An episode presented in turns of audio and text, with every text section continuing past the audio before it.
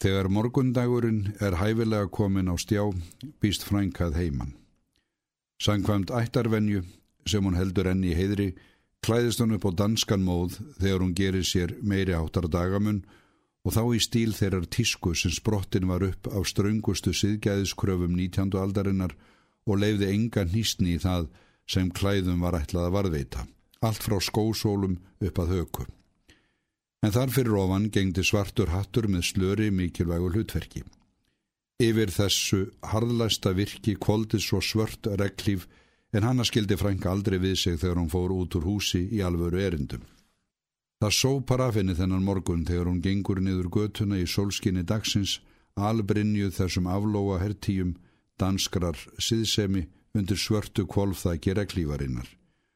Hún á erindi við Ardkjell Dómara, en í eina tíð hafði hann verið skólabróður í mannsins hennar sáluga og kunningsskapur þeirra varað á meðan báðir livðu. Eftir að hún stóð einn uppi hefur hann reynst henni ráðhóllur svo hún veit ekki annan líklegri til liðsinnis eins og ástendur. Að viðræðum þeirra far ekki sögur, en málalókurðu þau að Arkell dómari hétt frængu fulltingi sínu svo langt sem landslög heimiluðu manni í hans stöðu þótt engin bindandi fyrirheit vildi hann gefa á þessu stíi málsins. Frængu þykir för sín góð á fundhans eftir því sem efni standa til. Þótt undan svíði eins og öðra því sem hann fræðir hann um. En á hinbógin kann það verða henni tromp á hendi í þeirri spilamennsku sem hún á framundan við frændan Fredrik Húsnafna. Hún þarf ekki að býða hans lengi eftir heimkomuna. En þótt hún eigi hans von verður henni næstum einspilt er hún sér hann og henni hafði orði daginn áður þegar hún vænti hans ekki, því ættarreysnin hefur sett hörmulega niður á þessum eina sólarhing.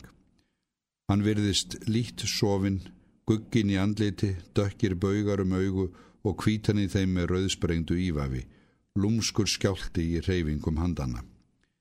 Eftir útlitinu einu að dæma má ætla hann á því stíi mannlegrar umkunnar er sá eitt þekkir gerst sem hefur hlotið sinn dóm og býður þess að vera leittur út og festur upp. Ósköp er að sjá þig, Fredrik, segir Franka þegar hann byrtist í útidýrunum.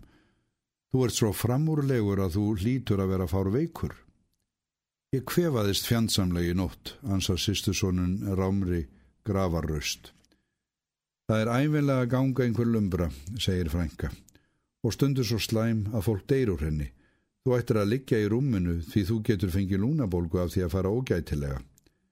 Það þarf meirinn ómerkilega lumbru til að kála mér, segir frendin.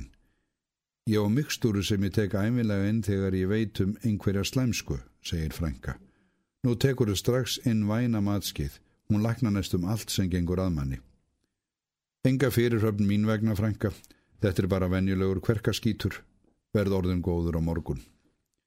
En frænka lætur sér ekki. Mikstúrun góða er dregin fram og Fredrik verður að kingja vænum skamti að þessum lífsins eliksýr.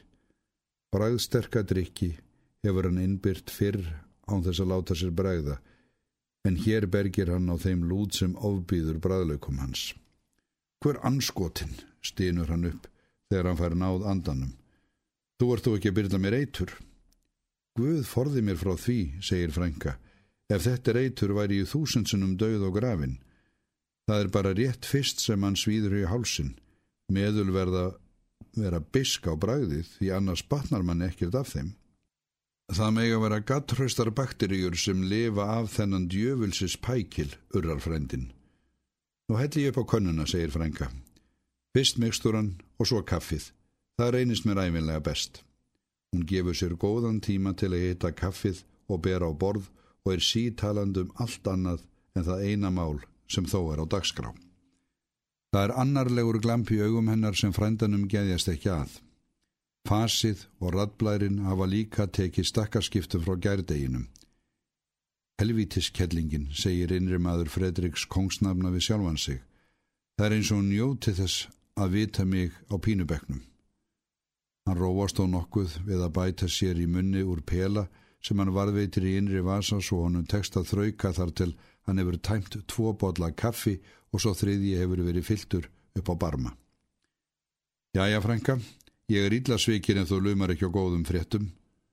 góðum eða vondum, ansar frænka leindardómsvöld. Það fyrir auðvitað eftir smekk hvers og eins.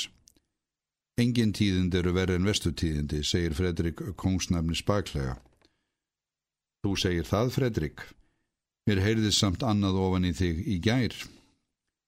Eitthvað verður maður að láta það heita, ansar frændin afsakandi. Það er annars ljótaklandri sem þú hefur lendi, Fredrik, segir Frank eftir litla þögn.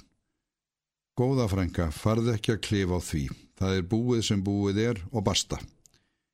Ég sé það á þér að þú lúrir á einhverju og mér finnst komin tími til að þú leysir frá skjóðinni. Frænka rær dáliti fram í gráðið, glerugun hafa síið fram á nefið og yfir þau pýrir hún augunum á sýstursónin handan borðsins.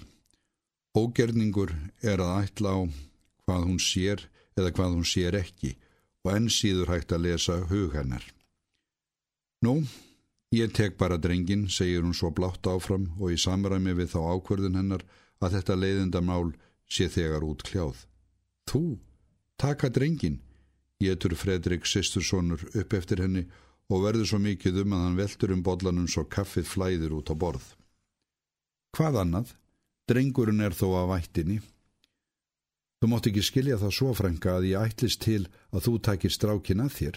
Nei, svo ósangjarn er ég ekki. Og satt að segja, finnst mér það reynast að fjärstæða að þú færir að taka að þér unga barn. Af hverju er það fjärstæða? spyr frænga dáli til hvers. Sjáðu til, frænka. Þú ert farin að eldast. Aug þess hefur þau aldrei eignast barn sjálf svo enda þótt, grýpur frænka fram í og ekki laust við að hún sé móðguð. En svo mikið veit ég þó að það eru ekki allir sem eiga börn færir um að ala þau sómasamlega upp, svo ekki sem meira sagt. Þú mátt ekki miskilja með frænka. Það sem vakir fyrir stelpunni er fyrst og fremst það að losna við strákinn þó hann láti það skína. Hún er útsmognar en svo, hún ætlar sér að græða þessu á minn kostnað auðvitað, balfuð tæfan. Fredrik, segir frænkan ströng, ég kann ekki við svona talsmáta. Forláttu frænka, en það likur í augum uppi að hún ætlar sér að láta mér blæða. Ég er farin að þekka hann á núorðið. Af hverju ætti hún ekki að gera það eins og allt er í pottin búið? spyr frænka dáli til minnfísin. Af hverju? Af hverju? Getur frændin upp eftir henni slegin út af læginu. Eins og ég sé ekki búin að hyggla henni. Nei, hún á ekkert inni hjá mér lengur. Það er sama hvernig dæmið er reiknað, Fredrik. Útkoman verður svo að þetta kostar peninga, meiri peninga en þú ert maður til að borga. Þau eru skammarlega lág sísluskrifur á launin, viður kenni Fredrik hómsnafnið dapurlega. Og ég á að borga brúsan, segir Franka. Sjáðu til, Franka, mér flög í hug að kannski vildur þau hlaupundir bakka með mér í bráðina, segir frændin og horfir fram hjá andli til frængu. Öðvita borga ég þér þá peningar strax og raknar úr fyrir mér. Þú getur heldur ekki neyta því að þér er máli skilt. Hárétt, Fredrik, og af því að mér er máli skilt hef ég ákveðið að taka drengin. En góða frænga, þér getur ekki verið alvara. Hlustaðu nú á mig, Fredrik, og ég banna þér að taka fram í fyrir mér segir frænka myndu. Það er útrætt mál að ég tek drengin svo framarlega að móður hans vill eða neyðist til að láta hann frá sér. Ég talaði um þetta í morgun við hann Artkjell Dómara. Þú segir ekki að þú hafi hlaupið í helvítis kallin hann Artkjell Dómara og sagt honum alla sólar söguna að mér forspurðum. Guðsast út úr Fredrik sýstur sinni. Engin misjöfn orðum Artkjell Dómara í mín eiguru, segir frænka fastmælt. Nú auðvitað varði að segja honum sannleikan í málinu, hvað annað gæti ég gert. Hann lofaði að taka málið að sér fyrir mig og þá auðvitað þig líka. Þú þarf bara að ganga við hjá honum og skrifa undir einhver skjöl. Þarf ekki einu svona borga fyrir það. Ef einhver þarf að borga einhverjum eitthvað, er það ég sem gerir það. En þeir peningar far ekki gegnum annara hendur en Arkell Stómara. Hann er áraðanlegur maður og óhatt að treysta því að hann gerir aldrei neitt ólöglegt. Nei, þú þarft svo sannarlega ekki að hafa áhyggjur lengur út af þessu leiðenda máli, góði Fredrik. Ég tek drengin, stúlkan giftist sjómannunum sínum og þú, já, kannski áttu það eftir að verða tengda svonu síslumannsins og erfa ennbættið. Þiðu nú aftur í bollan, Fredrik, og forsmáðu ekki bakkelsið. Það getur orðið langt þanga til þú lítur inn næst. Fredrik drekkur meira kaffi og borðar fleiri kökur þótt inniblin hóti uppreist. Hann er gjörsamlega afvopnaður og eigir enga sigur möguleika framöndan. Sárust er svo niðurlæging sem ekkert gefur í aðra hönd því peningafrængu og aðra regnir sem hann telur sér réttborinn til og hefur um skeið tíundað í sínum persónulega framtíðarbókaldi hlýtur hann nú að afskrifa með ófyrir sjáanlegum afleiðingum. Það hefur ekki flögrað aðhónum fram að þessu að kellingin ætti þetta refsvit í fórum sínum og svo mikið þekkir hann til Arkell Stómara að með hann að bakkjalli er hún óvinnandi víi. Þegar hann býst til ferðar snýst frænka í kringum hann og umhyggjusemi hennar og nærgætni eru lítil takmörg sett. Hún hjálpar honum í frakkan, réttur honum hattin, hagraðir treflinum, betur um hálsin á honum og áminnir hann um að láta sér ekki verða kallt. Svo má hann ekki láta undir höfuð leggjast að fara strax á morgun til Arkell Stómara svo allt sé klappað og klárt. Eftir viðskiptum við frængu og ómildar kárínur að hálfu Arkell Stómara er ættarreysnin komin langt niður fyrir frostmarkið. Einasta glætan sem Fredrik Kongsnafni á framundan er fjallmyndarleg síslumannsdóttir. Þegar skipið er sokkið og um það tventa ræða að ná landi eða farast verður þó fyrri kosturinn fyrir valinu, þóttum það eitt sé að ræða að fleita sér á tundurdubli upp í stórgritta fjöruna.